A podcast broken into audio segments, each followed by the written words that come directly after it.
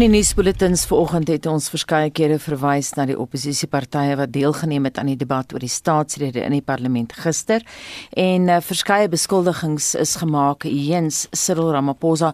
Ons praat daaroor met Roland Henwood, hy is van die Universiteit van Pretoria se departement politieke wetenskap. Môre Roland. Goeiemôre Anita. Ek kyk net so na wat die bulletins alles vir oggend geskryf het. Jy weet, hulle praat van beskuldigings dat uh, Ramaphosa nie genoeg doen om korrupsie te beveg nie. Hulle kritiseer hom oor COVID-19 en so aan die hantering van die enstowwe, die debakel rondom dit. Hoe belangrik is die politieke partye se terugvoer of dink jy dit het verval tot 'n soort jaarlikse politieke retoriek? Ek meen die storie oor korrupsie hoor ons elke jaar.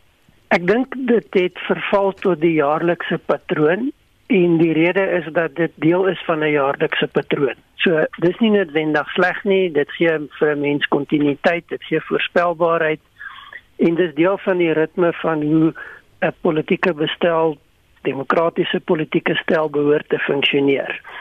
Ek dink wat die probleem in Suid-Afrika is, is nie die ritme in die patroon van politiek nie, maar die frustrasie wat al hoe duideliker en al hoe meer 'n inherente deel van ons politieke patroon en die ritme van ons politiek word. En daai frustrasie kortliks kan opgesom word in die feit dat daar nie vordering is nie. En ek dink dit was die oorwegende tema van al die politieke partye gister. Vanaf die DA reg deur die EFF, die IFP, die Vryheidsfront Plus, almal se boodskap was ons praat jaar na jaar oor dieselfde goed en daar's nie vordering nie. Trouwens, ons is besig om agteruit te boer. En en ek dink dit is waarom hierdie patroon eintlik nou vir mense 'n probleem word, eerder as die substans van ons politiek wat die fokus moet hê. Dis waar die probleem lê. En hoeveel waarheid lê daar in daardie kritiek veral dan oor Cyril Ramaphosa, John Steenhuisen wat sê uh, dit lyk nie asof hy 'n vermoë het om die land se groot probleme te takel nie en uh, asof hy deur sy eie party teruggehou word.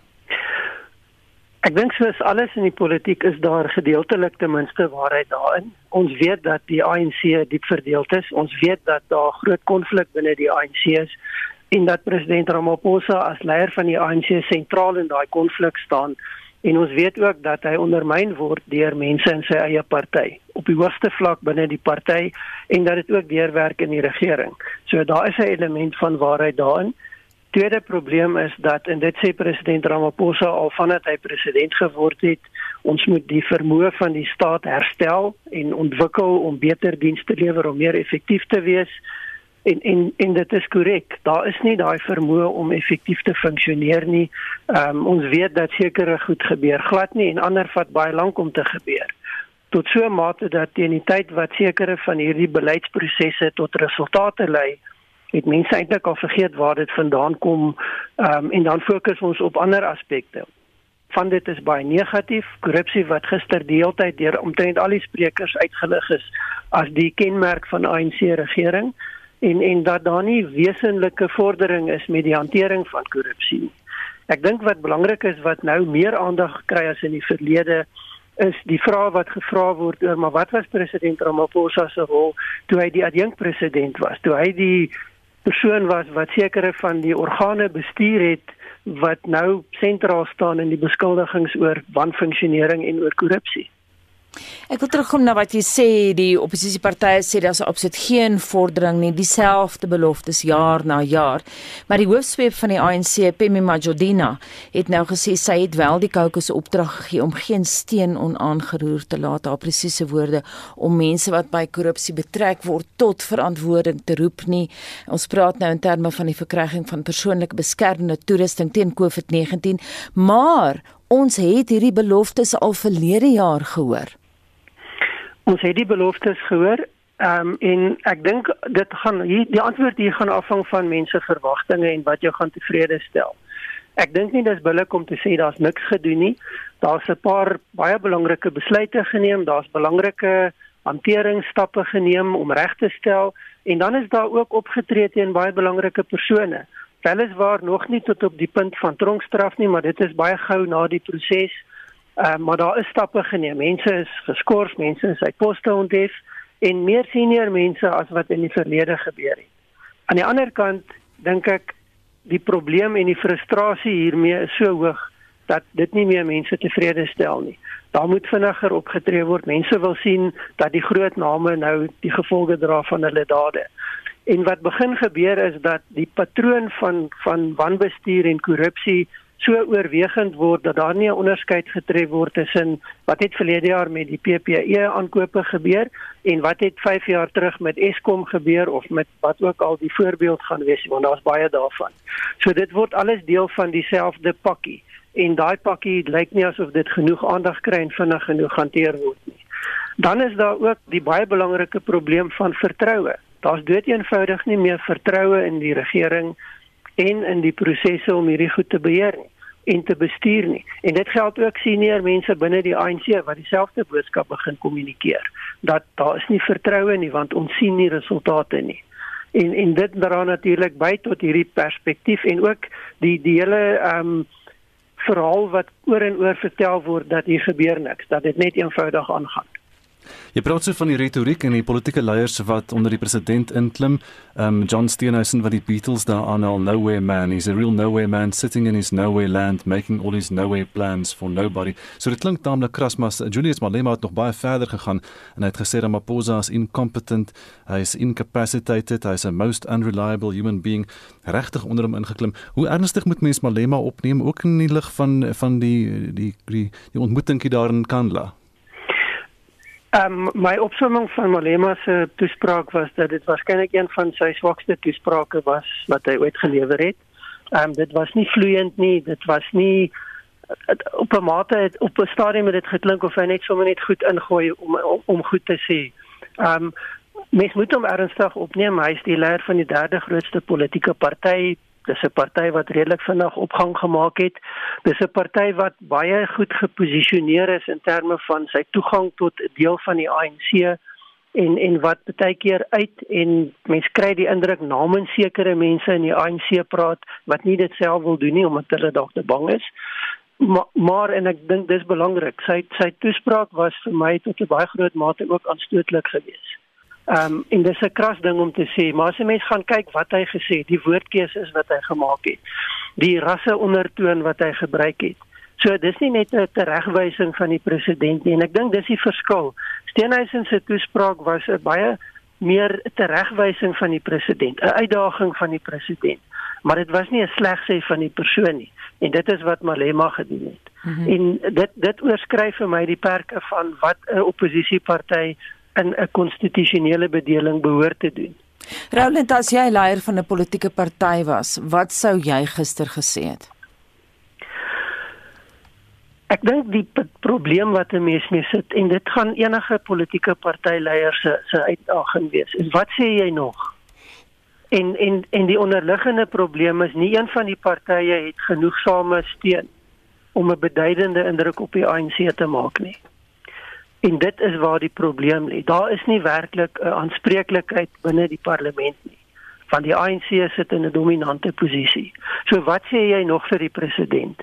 Dan moet ons ook onthou die president se grootste bedreiging lê nie in die oppositie nie. Dit lê binne die ANC. So hoe spreek jy as 'n oppositieparty die president aan om 'n positiewe verandering te maak of 'n bydrae te maak of 'n teregwysing te maak wanneer die president hom nie daarin hoef te steur nie? Want hy's besig om te veg vir oorlewing so lyk dit binne sy eie politieke party. En en dis natuurlik 'n probleem wat ons reg deur die wêreld in demokrasie kry. Dis nie 'n uniek Suid-Afrikaanse probleem nie. Wat dit wel uniek maak is die manier wat die ANC dit hanteer. En ek dink dit is waar baie van die frustrasie van oppositiepolitiek vandaan kom. Daar's net nie daai toegang en daai geleentheid om werklik 'n wesenlike bydrae te maak waar sake nou staan nie.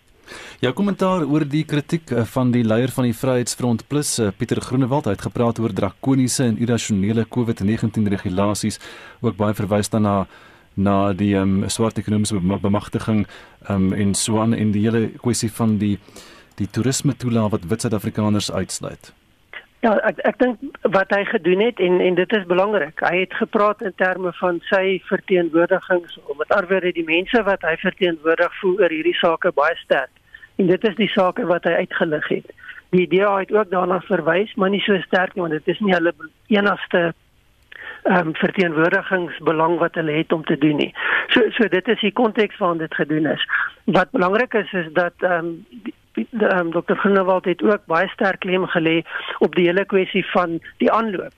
Ehm um, wat gebeur het rondom COVID, die die regering se onbeholpe hantering hiervan die onsinnige besluitneming wat daarmee saamgaan. En, en dit is belangrike sake wat oor 'n breë spektrum mense se ehm um, houdings bepaal en ook mense se vlakke van frustrasie tot 'n baie groot mate beïnvloed. Wat wel vir my interessant was, is dat hy die saak geopper het van 'n belastingopstand. Ehm um, wat natuurlik iets is wat al vroeër ter sprake gekom het, maar nie van aanvanklik vanuit die verlede van die Vryheidsfront Plus nie. Net uh, laasens en kortliks steur die ANC om aan hierdie kritiek. Ek dink daar is mense in die ANC wat hulle aan die kritiek steur, maar daar is ook diegene wat hulle nie daan steur nie want dit is nie deel van die magspolitiek waarin hulle hulle self nou bevind nie. Baie dankie dit aan die mening van Roland Henwood van die Universiteit van Pretoria se departement politieke wetenskap. 23 oor 7 en oud-president Jacob Zuma se familie reken dat hy nie sommer sy siening oor die adjunk hoofregter Raymond Zondo gaan verander nie. Die Zondo-kommissie het maandag gesê hulle sal by die konstitusionele hof om 'n bevel van minagting van die hof teen Zuma aansoek doen. Dit kom nadat Zuma geweier het om die bevel van die konstitusionele hof na te kom om voor die kommissie te verskyn. Zuma het in 'n verklaring gesê hy sal nie deelneem aan 'n proses wat nie neutraal teen hom is nie terwyl die res van Suid-Afrika asem ophou oor die konstitusionele hof se volgende skuif, het die familie van die voormalige president Jacob Zuma hulle by hom in Nkandla geskaar. Verskeie besoekers wat die leierskap van die Nasionale Freedom Party en ANC-lede van Mpumalanga insluit, het ook by sy huis opgedaag. Zuma se seun Edward sê die ANC se nasionale leierskap is welkom om met sy pa te vergader, maar dat Zuma senior nie voor die staatskapingskommissie sal getuig voordat adjunk hoofregter Zondo as voorsitter bedank nie. Former President Zuma is their member. He's a member of the African National Congress. Whatever the leadership requests, he will be able to listen to them. However, what we want to emphasize, if ever they are trying or their attempt is to convince him to change the decision that is taken, well, I might as well say it now. It's not going to happen. We're sticking to what we've said.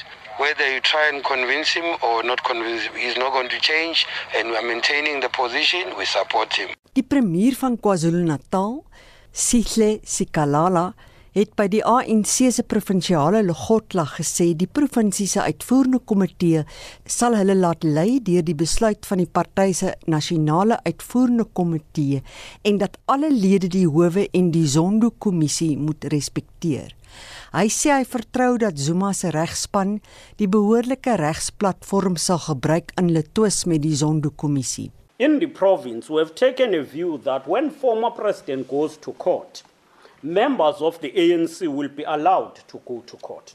We're guided by the NEC decision that says all members of the organization must respect the commission and must also respect the constitutional court. The former president himself, in his statement, made it clear that he has no problem with the commission or judiciary and his problem is his application for the chairperson of the commission.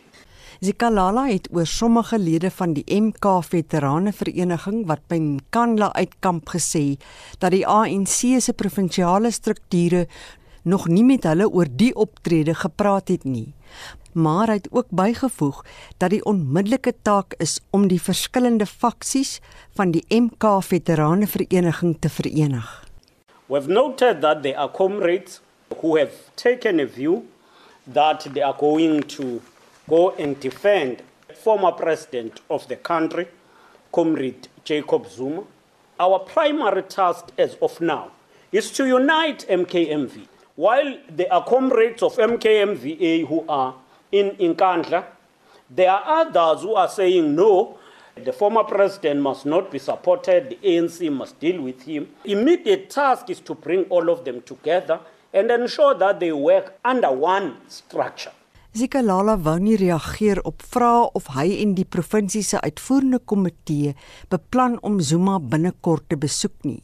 Hy het wel gesê dat president Jacob Zuma nog steeds 'n lid is van die ANC en dat hy oor 'n klomp sake met die party se leierskap in gesprek kan tree. Minoshi Pillay, Vusi Makosini en Non Kalanipo Magwaza het die verslag saamgestel.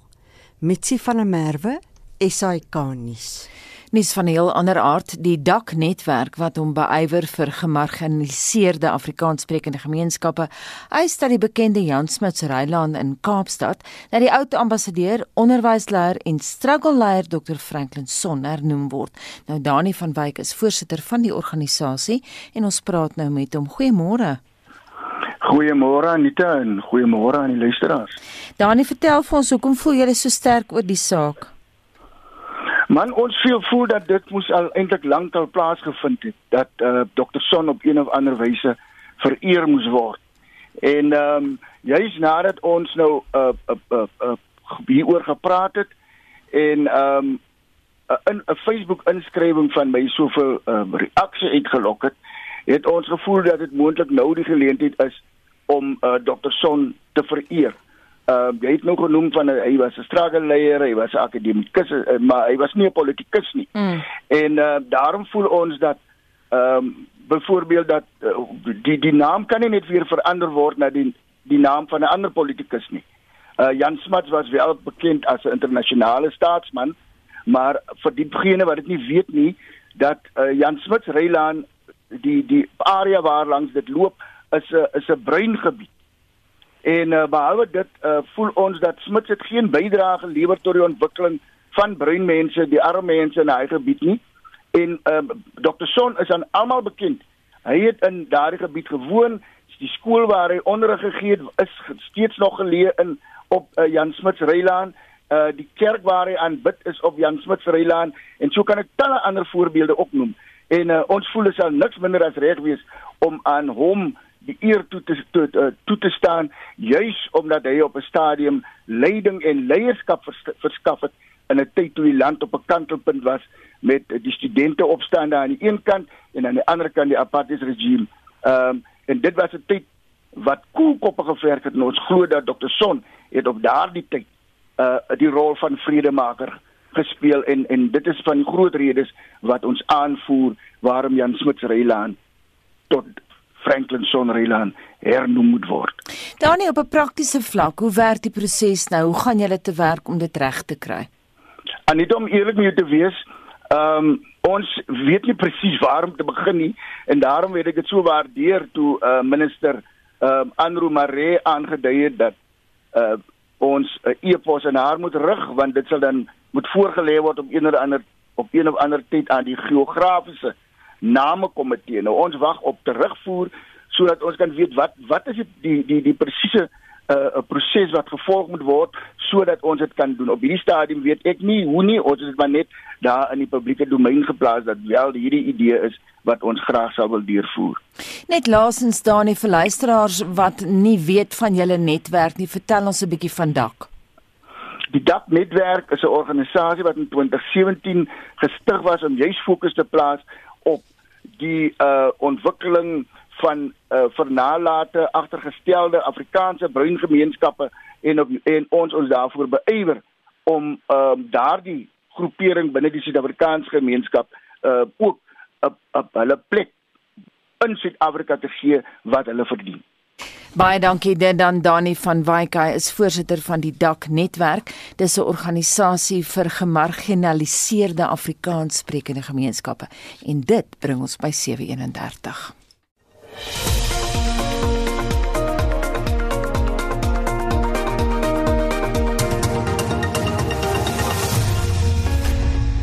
En ons praat nou verder oor hierdie voorstel om Jan Smuts Ryland te hernoem na Franklin Son en ons gesels nou ook met die, met um, Andrew Maree, sy is die Weskaapse LER vir sport en kultuursake en die provinsiale minister wat dan na hierdie soort van sake omsien. Andrew, goeiemôre. Goeiemôre Gustaf en goeiemôre aan die luisteraars. Stem jy saam dat iemand soos Dr Franklin Son op hierdie wyse vereer moet word? Ja, natuurlik stem ek saam. En ehm um, Dani het die het vir my 'n uh, e-pos gestuur en nou sal ek dit net in die regte um, rigting kanaliseer vir ehm um, dat ons op die einde dit kan doen.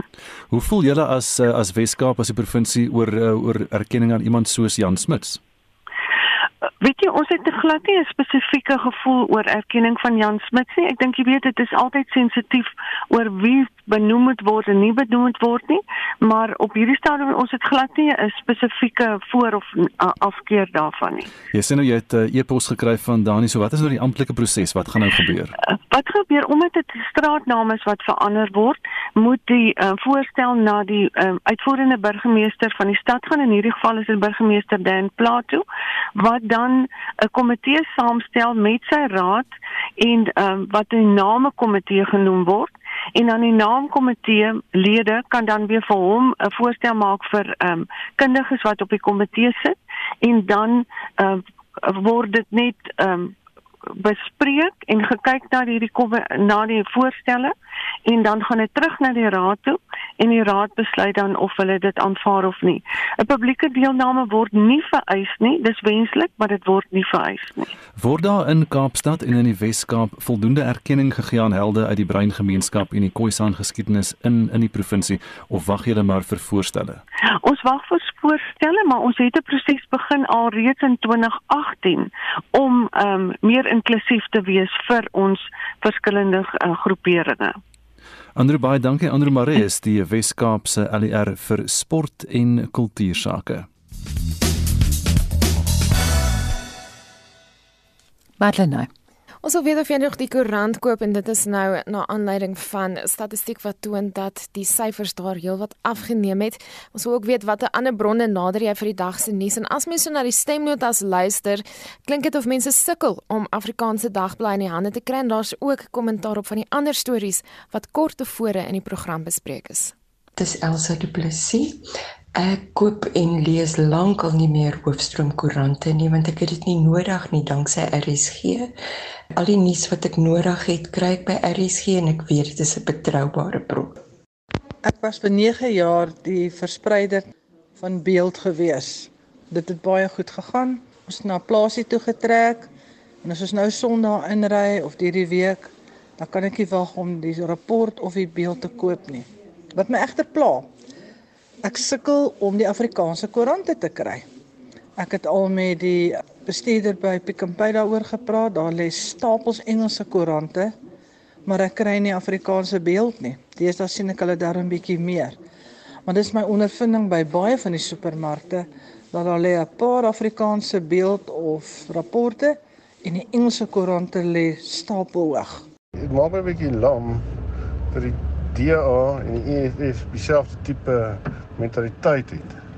Wys net 'n bietjie wat hulle goed. Gee hom 'n pos 'n bietjie spasie ook. Baie goed wat hy moet doen. Wat doen die DA goed? Wat doen die EFF goed? Niks. My opinie aangaande die verandering van straatname en ons erfenis. Nee, nee, nee. Sedert die bewindoorname in 94 het die regerende party die stryd van ons vadere en ons geskiedenis se paaie probeer uitwis. Plaaslik hulle praat oor plaasmoorde en plaasdiefstal en opsetlike moorde begin om julle werk reg te doen asseblief mense. En dan terug by ons vraag oor koerante. Ehm um, Johanna Golden laat weet die burger word 6 dae week in my posbus afgelewer as ons weggaan vir 'n naweek en ek kan nie koerante koop nie, is ek heeldag ongedurig. Ek moet eenvoudig elke dag 'n koerant in my hand hou. Ek lees wel ook aanlyn berigte, maar Henry Graal skryf: "Ons koop so dan en wanneer koerant sodat ons die braairooster kan skoonmaak." Gada Venter sê hulle gebruik die koerant vir meer as net nuus. Sy sê ons het 'n nuwe baba hond en dis 'n 'n moeilike situasie sonder koerante. Stuur vir ons 'n SMS by 45891 R50 daar lees jy nog koerant. Waar kry jy nuus? Jy kan ook saampraat op Monitor en Spectrum se Facebookblad. Jy kan ook vir ons 'n WhatsApp stuur vir oulaas na 0765366961. Ek is nou verward. Ek bring nie die baba hond by die koerante uit nie, so my koerant op te rol in die hond te piets. Is dit wat bedoel word daar? Ek dink dit is dalk die eerste opsie Anita. Laat ons weet. Vir 'n oorsig oor internasionale nuusgebeure sluit Essie de Klerk vanoggend by ons aan. Ons begin in Dubai waar dramatiese nuwe besonderhede aan die lig gekom het oor die ontvoering en geheime aanhouding van prinses Latifa. Sy is een van die dogters van Sheikh Mohammed bin Rashid Al Maktoum. Hy is die heerser van Dubai. Goeiemôre, Estie. Moranita reeds 3 jaar lank al hoor die wêreld niks meer van prinses Latifa nie. In 2018 het sy van haar familie probeer ontsnap deur die Indiese Oseaan te deurkruis, maar sy is teruggebring na Dubai in wat die familie as 'n reddingspoging beskryf het. Na die voorval het die prinses in kontak gebly met 'n vriendin deur middel van 'n geheime foon maar die kontak het net skielik geëindig. Die prinses het vroeër aan die vriendin wat bekend staan as Tina in 'n video net voor die ontsnappingspoging gesê sy mag nie bestuur nie, sy mag nie reis of Dubai verlaat nie. Sy het nie die land sedert 2000 verlaat nie en in haar woorde, hulle laat my nie toe om dit te doen nie. In video's wat nou eers vrygestel is, vertel sy hoe sy in die sogenaamde reddingspoging van haar familie geslaan, ingespuit en nou in 'n koninklike villa aangehou word wat deur wagte bewaak word. Van wat lyk in die video's of sy in die hoek van 'n badkamer sit, het prinses Latifa die video's opgeneem. Dis op 'n manier gestuur aan haar vriendin wat deur middel van 'n vreemdeling ontvang het uh, um, ontvang is terwyl sy in Finland was. Kom ons luister. I'm in a villa. I'm I'm a hostage, and uh, this villa has been converted into a jail. All the windows are barred shut. I can't open any window. There's five policemen outside and two policewomen inside the house, and I can't even go outside to get any fresh air. I don't know when I'll be released and what the conditions will be like when I'm released. Every day I am worried about my safety and my life. Don't really know if I'm going to survive the situation. Police threatened me that I'll be imprisoned my whole life and I'll never see the sun again. Really uh, reaching a point now where I'm just getting so tired of everything. Uh, it's like a circus. I don't, I don't know what they're planning to do with me. The situation is getting more desperate every day, and um, yeah, I'm just really, really tired of this now. En daardie is verskillende klankgrepe van video's wat prinses Latifa oor verskeie dae opgeneem het vanuit daardie villa wat sy sê waar sy aangehou word. En die regerings van Dubai en die Verenigde Arabiese Emirate het aan die BBC gesê die prinses is in die liefdevolle versorging van haar familie. En dan verskuif ons die fokus na Myanmar waar die aangehoude oppositieleier Aung San Suu Kyi op 'n tweede strafregtelike aanklag aan die hof verskyn het na 'n via 'n videoskakel liewer. Ja, sy is vroeër ook aangekla van die besit van onwettige kommunikasiegeriewe, maar nou word sy ook daarvan verdink dat sy na bewering die land se natuurrampwet oortree het. Dit is nie duidelik waarmee die nuwe aanklag verband hou nie. Myanmar se weermag het vroeër sy belofte herhaal om nuwe verkiesings te hou en die mag af te staan as betogings sou voortduur. Anti-staatsgreep betogers eis die vrylating van hul verkose leiers insluitend Sun Kyi nadat die militêre staatsgreep op die 1 Februarie begin het. En dan gaan ons na Europa waar 'n hof in Den Haag aan die Nederlandse regering gesê het dat 'n aandklokreël om die verspreiding van die koronavirus te verminder opgehef moet word en beslis dat dit op die reg van vrye verkeer of liewer vryheid van beweging inbreuk maak. Belangrike storie. Ek sien ook is die koerante gee aandag daaraan vanoggend. Ja, die hof sê die aandklokreël tussen 9uur saans en 4:30 soggens is ingestel deur 'n noodmaatreël toe daar geen kritieke nood was nie.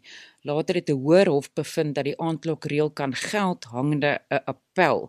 Die reël het tot betogings in verskeie stede gelei en die hofbeslissing wat gelas het dat die maatreël afgeskaf moet word, is deur die regering teengestaan, maar dit is toe later opgehef deur die appelhof in Den Haag. En dit was Essie de Klerk met 'n oorsig van vandag se internasionale nuusgebeure. Nou so 16 minute voordat ons kom by 8 uur in 'n multidissiplinêre operasie is langs die Suidkus spoorlyn in KwaZulu-Natal uitgevoer met die doel om koperdraad diefstal daar te bekamp. Uh koperkabels. Die KwaZulu-Natal se polisiewoordvoerder kolonel Tembeka Mbele sê twee mans is in hegtenis geneem met minstens 20 kg koper in hulle besit. Foot patrols on the railway line near the Jacobs railway station. They spotted two men who were leaving the area carrying backpack bags on their backs. The police officer stopped the men and searched them. Police found 20 kilograms of copper cables in the suspect's possession. When police officers questioned the men about the copper cables, they were unable to provide police with a satisfactory explanation. Die verdagtes sal verder ondervra word om vas te stel of hulle betrokke is by ander misdaadaktiwiteite in Wentworth en omliggende gebiede. Both suspects, aged 27 and 28, were arrested and detained at the Wentworth police station for further processing. They were charged for being in possession of suspects stolen property. The suspects will, be, will further be profiled to determine whether they are not involved in other criminal activities in the Wentworth area and surrounding areas. Both men will appear at the Wentworth Magistrate Court today, facing charges of in possession of suspects stolen property. Dit was kolonel Tembe Kambele, KwaZulu-Natal se provinsiale polisie woordvoerder, Vincent Mufokeng. Esai Kanis. Volgens die Suid-Afrikaanse Polisie uh, diens word koperkabels hoofsaaklik van myne, Transnet, Telkom, Eskom en munisipaliteite gesteel. Die Suid-Afrikaanse Kamer van Koophandel en Nywerheid skat dat die soort diefstal die ekonomie tussen 5 en 7 miljard rand per jaar kos. Sonja Carsons, woordvoerder van die vervoervakbond Unto, het aan Vincent Mofokeng verduidelik hoe groot die krisis werklik is. Die krisis met koperdiefstal is egter nie net beperk tot die infrastruktuur van Prasa nie. Dit het ook 'n direkte uitwerking op die infrastruktuur van Transnet Freight Rail wat ons goederevervoerstelsel is en die hartklop is van Suid-Afrika se ekonomie. Dit het dieselfde uitwerking op ander semi-staatsinstellings soos Eskom en dis meer. Dis vernietigend en dit is elke Suid-Afrikaner se plig om werklik waar die oë en ore van die polisie te wees, dit aan te meld, aggressief op te tree wanneer hulle dit sien, want daarsonder gaan ons almal net eenvoudig agteruit boer, ongeag watter vlak van die samelewing jy is. Sonja, wat is die omvang van koperdiefstal in die land? Die omvang van vandalisme en koperkabeldiefstal in veral die spoorvervoeragentskap van Suid-Afrika se omgewing op sy infrastruktuur by sy treinstasies en by sy depots het veroorsaak dat pendelaars geheel en al vertroue in die land se spoorvervoerstelsel verloor het en derhalwe dit nie meer gebruik nie. Dit is 'n ramp vir Suid-Afrika, veral in ons stryd om armoede uit te wis aangesien spoorvervoer die goedkoopste vorm van publieke vervoer vir pendelaars is en daarsonder is pendelaars noodgedwonge aangewese op die minibus taxi bedryf waar hulle tot 3 na 4 keer meer vir dieselfde rit betaal. En waar is die grootste brandpunte? Die grootste brandpunte van koperkabeldiefstal is ons sentras, so Johannesburg, Pretoria, Kaapstad, Durban, Port Elizabeth, maar dis nie beperk net tot die stede nie. Dit kom oral voor, selfs op die platteland. En dis wat dit so geweldig gevaarlik maak. Ons het nie die vermoë om toe te sien dat daar oral voldoende polisieering is om dit te verhoed nie. So, dit gebeur dat daar byvoorbeeld wissels gesteel word wat spoorlyne aan mekaar hou en dat 'n goederetrein dan ontspoor weens dit. Dit het weer 'n direkte uitwerking op besighede se vertroue in Transnet en dan weer 'n daardeur 'n direkte uitwerking op die land se ekonomie. So in 'n groter prentjie raak koperkabeldiefstal elkeen van ons nadelig. Watter pogings wend julle of owerhede aan om stop te sit tot koperdiefstal? Daar is wat Prasa en Transnet aanbetref, geen politieke wil om te sorg dat daar doelgerig koperkabeldiefstal en vandalisme bekamp word nie. Ons sit met 'n eenheid in die polisie wat destyds die spoorwegpolisie vervang het genaamd die Rapid Rail Police Unit. Hierdie eenheid het 3348 lede. Wie se taak dit is om onder meer goederetreine van Transnet te vergesel en te beveilig en ook om sigbare polisieering op treine wat pendelaars vervoer te lewer, daar te wees op stasies om toe te sien dat pendelaars veilig is as ook natuurlik die mense wat die treine beman. Maar dit gebeur nie. Daai eenheid is totaal en al nutteloos. Dis 'n totale vermorsing van die belastingbetalers se geld. Dit is al herhaaldelik onder president Cyril Ramaphosa onderminister Fikile Mbalula en onderminister Pravin Gordhan, sowel as die minister van polisie Bekkie Cele se aandag gebring. En 6 maande later is daar nog steeds nie 'n vinger verroer om iets te doen aan hierdie nuttelose eenheid in die polisie nie.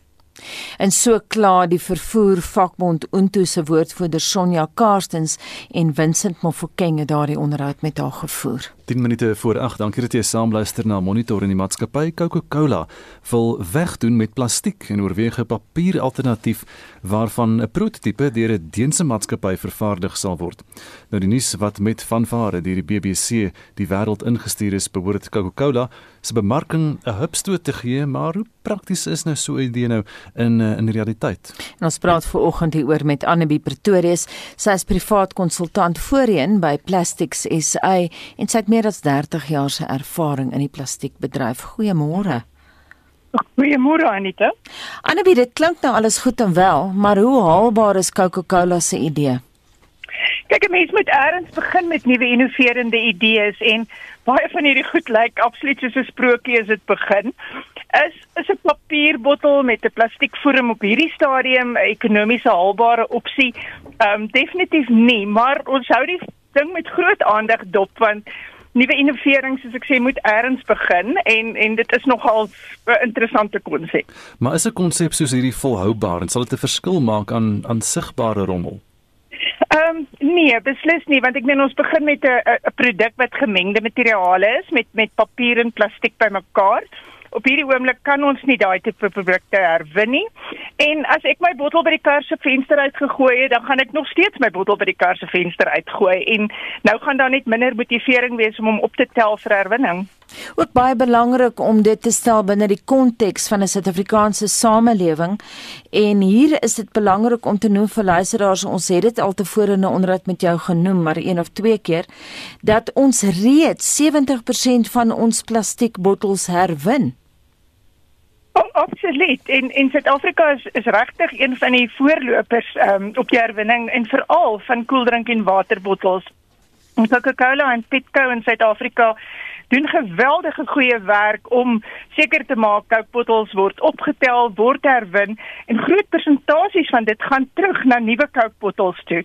Nou dis iets wat glad nie gaan haalbaar wees as jy 'n bottel het wat nou papier en plastiek gemeng is nie. Hoe belangrik is dit dat 'n reuse maatskappy soos Coca-Cola iets soos hierdie doen om die toon aan te gee om 'n voorbeeld te stel dat ander maatskappye dalk dieselfde begin doen? Ja, dis dis 'n interessante konsep want ek meen um, Coca-Cola as daar kritiek uitgedeel word, dan is jou groot handelsname ook altyd eerste op die lysie om te sê kyk net wat doen hulle en hoe verkeerd is hulle. So dit is dit is 'n innovering en as ons die huidige plastiekbottel kyk, ehm um, wat uit PET vervaardig word, was dit juis Coca-Cola wat dit 20, 30 jaar terug begin het om van glas en aluminium te skuif op daardie stadium staal en 'n en 'n plastiekbottel te maak vir sy ehm um, koolstof koeldrinke of sy koolstofdioksied koeldrinke. So ehm um, dit is belangrik dat die groot ouens voortou neem want hulle het gewoonlik die fondse en en die dryfste agter om hierdie tipe ontwikkeling ehm um, voor te sit en en uit te rol. Annabie, daar tree nou in November vanjaar wetgewing in werking wat verband hou met die verpakkingvervaardigers se verantwoordelikheid dis in opsigte van verbruikte verpakking. Kortliks, wat behels daai wetgewing? Kyk, uitgebreide produsente verantwoordelikheid wetgewing of EPR soos dit in Engels daarna verwys, is is niks nuuts nie. Ehm um, Europa het begin daarmee om te praat van enkel gebruik plastieke rukkie terug. Ehm um, en nou het ons eie omgewingsake ehm um, dit ook uitgerol. Dit sê kortliks dat as jy enige verpakking in die land inbring, vervaardig, versprei, met ander woorde almal wat se naam ergens op 'n produk is, moet verantwoordelikheid aanvaar vir daai produk as die as die gebruiker om klaar is met hom. Soos ek klaar my melk gedrink het, moet iemand daai bottel vat en seker maak dat hy word deel van die circular economy. Ehm um, en daai wetgewing is nou uitgebring. Hy begin 5 November. Teen daai tyd moet alle sogenaamde produsente, nou ons is nog nie heeltemal seker wie almal ingesluit word nie, maar moet geregistreer wees en kan sê ek sit soveel ton melkbottels elke jaar op die mark. Dis hoe ek dit gaan optel. Dis hoe ek gaan seker maak dit lê nie in die omgewing nie en dit word nie rommel nie en dit gaan nie ashoop toe nie. Ehm um, en dit is nogal 'n um, geweldige ding vir die vir die plastiekbedryf. Ehm um, want ons maak geweldig baie plastiekprodukte. Maar die produkte wat ons invoer is eintlik die groot kopseer op hierdie stadium. Ehm um, want alles wat ons invoer kom ergens in 'n plastiek sakkie of in 'n plastiek uh, laagie buite om en die plaaslike industrie moet nou verantwoordelikheid daarvoor hmm. aanvaar. Nou strook hierdie ehm um, wetgewing met internasionale voorskrifte en gebruike? Ehm um, baie beslis. Ehm um, ons is ons is bietjie meer voorskrifklik in die sin dat al die verskillende klassies word gesê ons moet soveel herwin en dan moet soveel herwinde inhoud in hom wees. Ehm um, maar dit is in lyn met wat in die westerse wêreld gebeur, beslis nie in die ontwikkelende lande nie. Baie dankie en so sê Annabie Pretoria sy se privaat konsultant voorheen by Plastics SA en sy het meer as 30 jaar se ervaring in die plastiekbedryf. Die ruimtemaatskappy SpaceX se Starlink internetdiens het verlede week begin om voorafbestellings te aanvaar.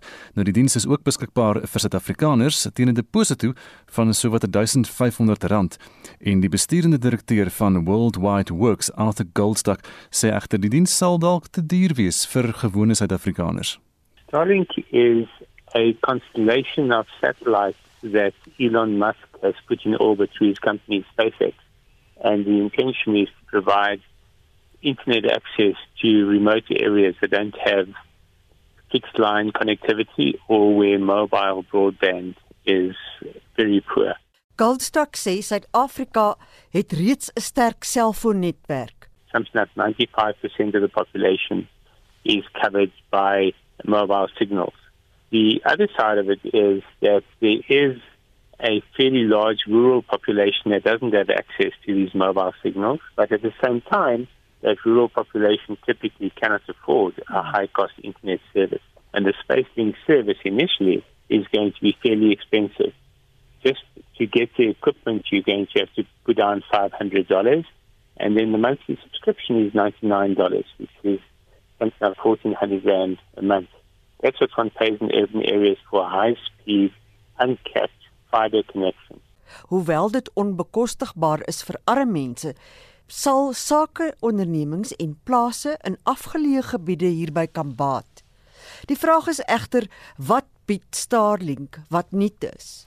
What Starlink says is that because its satellites orbit at a much lower altitude than existing communication satellites, it's far lower latency.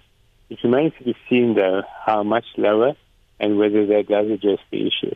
Because you can certainly go by their claims, but when they are testing the equipment, they're testing it almost in laboratory conditions. The question remains whether it will work as advertised in typical rural conditions. Goldstock glo die koste van die diens kan verminder wanneer meer satelliete gelanseer word. And the intention is to eventually have 12,000 circulating the earth And probably at that point, Elon Musk may look at bringing down uh, prices. But one of the options also depends on whether one is allowed to resell the access. So, for example, if someone gets the equipment to receive the signal, can they connect that to a Wi-Fi uh, router, which then transmits the signal on to other people in the environment? So I do see that as a potential uh, way to cross the digital divide, but it depends entirely on whether SpaceLink allows that. Arthur Goldstock is die bestuurende direkteur van Worldwide Works. Mitsi van der Merwe, SAK nuus. Dit is nog vir ou laaste stemnotas van ons luisteraars. Naam is Esme Baberdien. Newe, my inligtingbron is RSG. Lank lewe RSG koop nie meer 'n koerant nie. Is George van Steynsrus. Ek sou sê die Afrikaanse koerante moet hulle terugbring. Wat is die Engelse beter as my taal, Afrikaans? Ek is trots op Afrikaans. Bring die koerant, Afrikaanse koerante terug. Sit dit op die winkelrakke. Hoe kan jy 'n koerant koop as daar nie 'n koerant is eers op jou dorpie nie? Uh, hierdie kroon nuus wat hulle nou aflewe, nê, nee, hulle noem nou Vrystaat kroon. Hy's gratis. Jy kry hom nie eens op hierdie dorpie van ons Tuinsrus afgelewe nie. Asseblief, kyk wat jy kan doen. 'n Koerant koop, wat wou? RSG Spectrum en Monitor is ons koerant. En daarmee groet Monitor namens ons redakteur Hendrik Martin, ons eh, produksieregisseur Daitron Godfrey vanoggend. My naam is Anita Visser. Ons is môreoggend om 6uur terug. My naam is Gustaf Vreiding en Renske Jacobs is reg met die 8uur nuus.